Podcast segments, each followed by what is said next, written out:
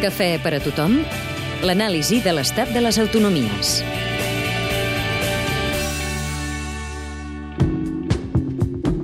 País valencià. Capital. València. Governa. Partit Popular amb majoria absoluta. Població. 5.111.000 habitants. PIB per habitant. 20.583 euros. Principal motor econòmic. Turisme i serveis. Índex d'atur. 27,32%. Endeutament. 20.762 milions, el 19,9 del PIB. Dèficit. 4,5% del PIB. Pla d'ajustament. 1.143 milions. Eh, em posa un cafè, per favor? Sí, un moment. Ahí tens. Molt bé, em pot dir quan costa, per favor? Sí, un euro.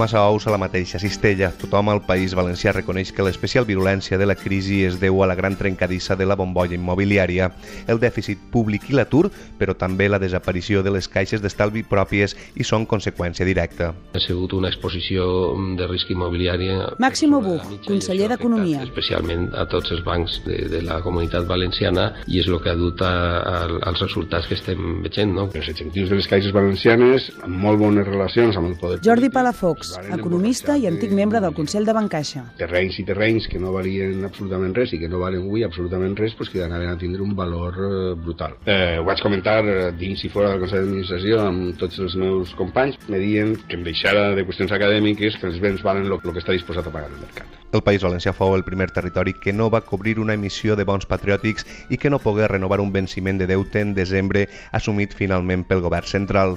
Només uns mesos abans, l'ara expresident Francisco Camps repetia que els valencians eren els millors situats per encarar la crisi. La meva acusació a l'actual... Gregori Martín, catedràtic de computació. És que en lloc d'analitzar la realitat que estaven visquent, els putos trajes, hm, i perdó per l'expressió, ha fet que la gent que més poguera pensar sobre aquest assunt estiguera preocupat per coses que no tenien res que veure en la gestió d'una situació de crisi. Gregori Martín assenyala un fenomen estrictament valencià i madrileny, el de les factures als calaixos, deute sanitari acumulat sense reconèixer. Donava per fet que no podia quebrar una comunitat autònoma. Bueno, ara sabem perfectament que una comunitat autònoma no solo pot quebrar, sinó que està quebrada.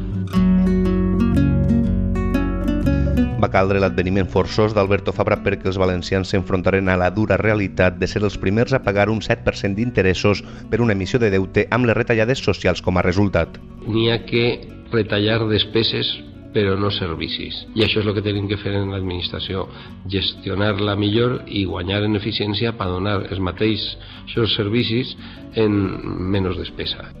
La millora de l'eficiència, però, no explica les imatges d'alumnes sense calefacció en alguns instituts i altres mancances que van encendre l'anomenada Primavera Valenciana, un principi de protesta atiat per la duresa policial.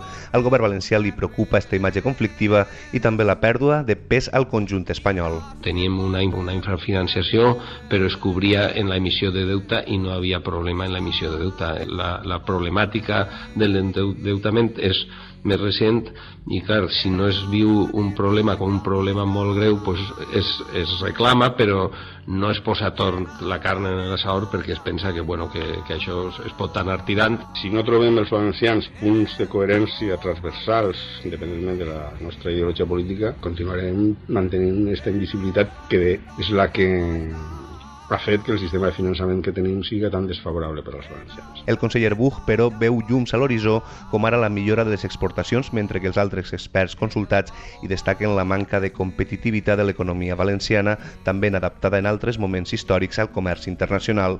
Ni tan sols confien molt en els efectes immediats del projectat corredor ferroviari mediterrani de mercaderies, amb una agricultura malmesa i una més que difícil recuperació industrial després de la borratxera de la construcció.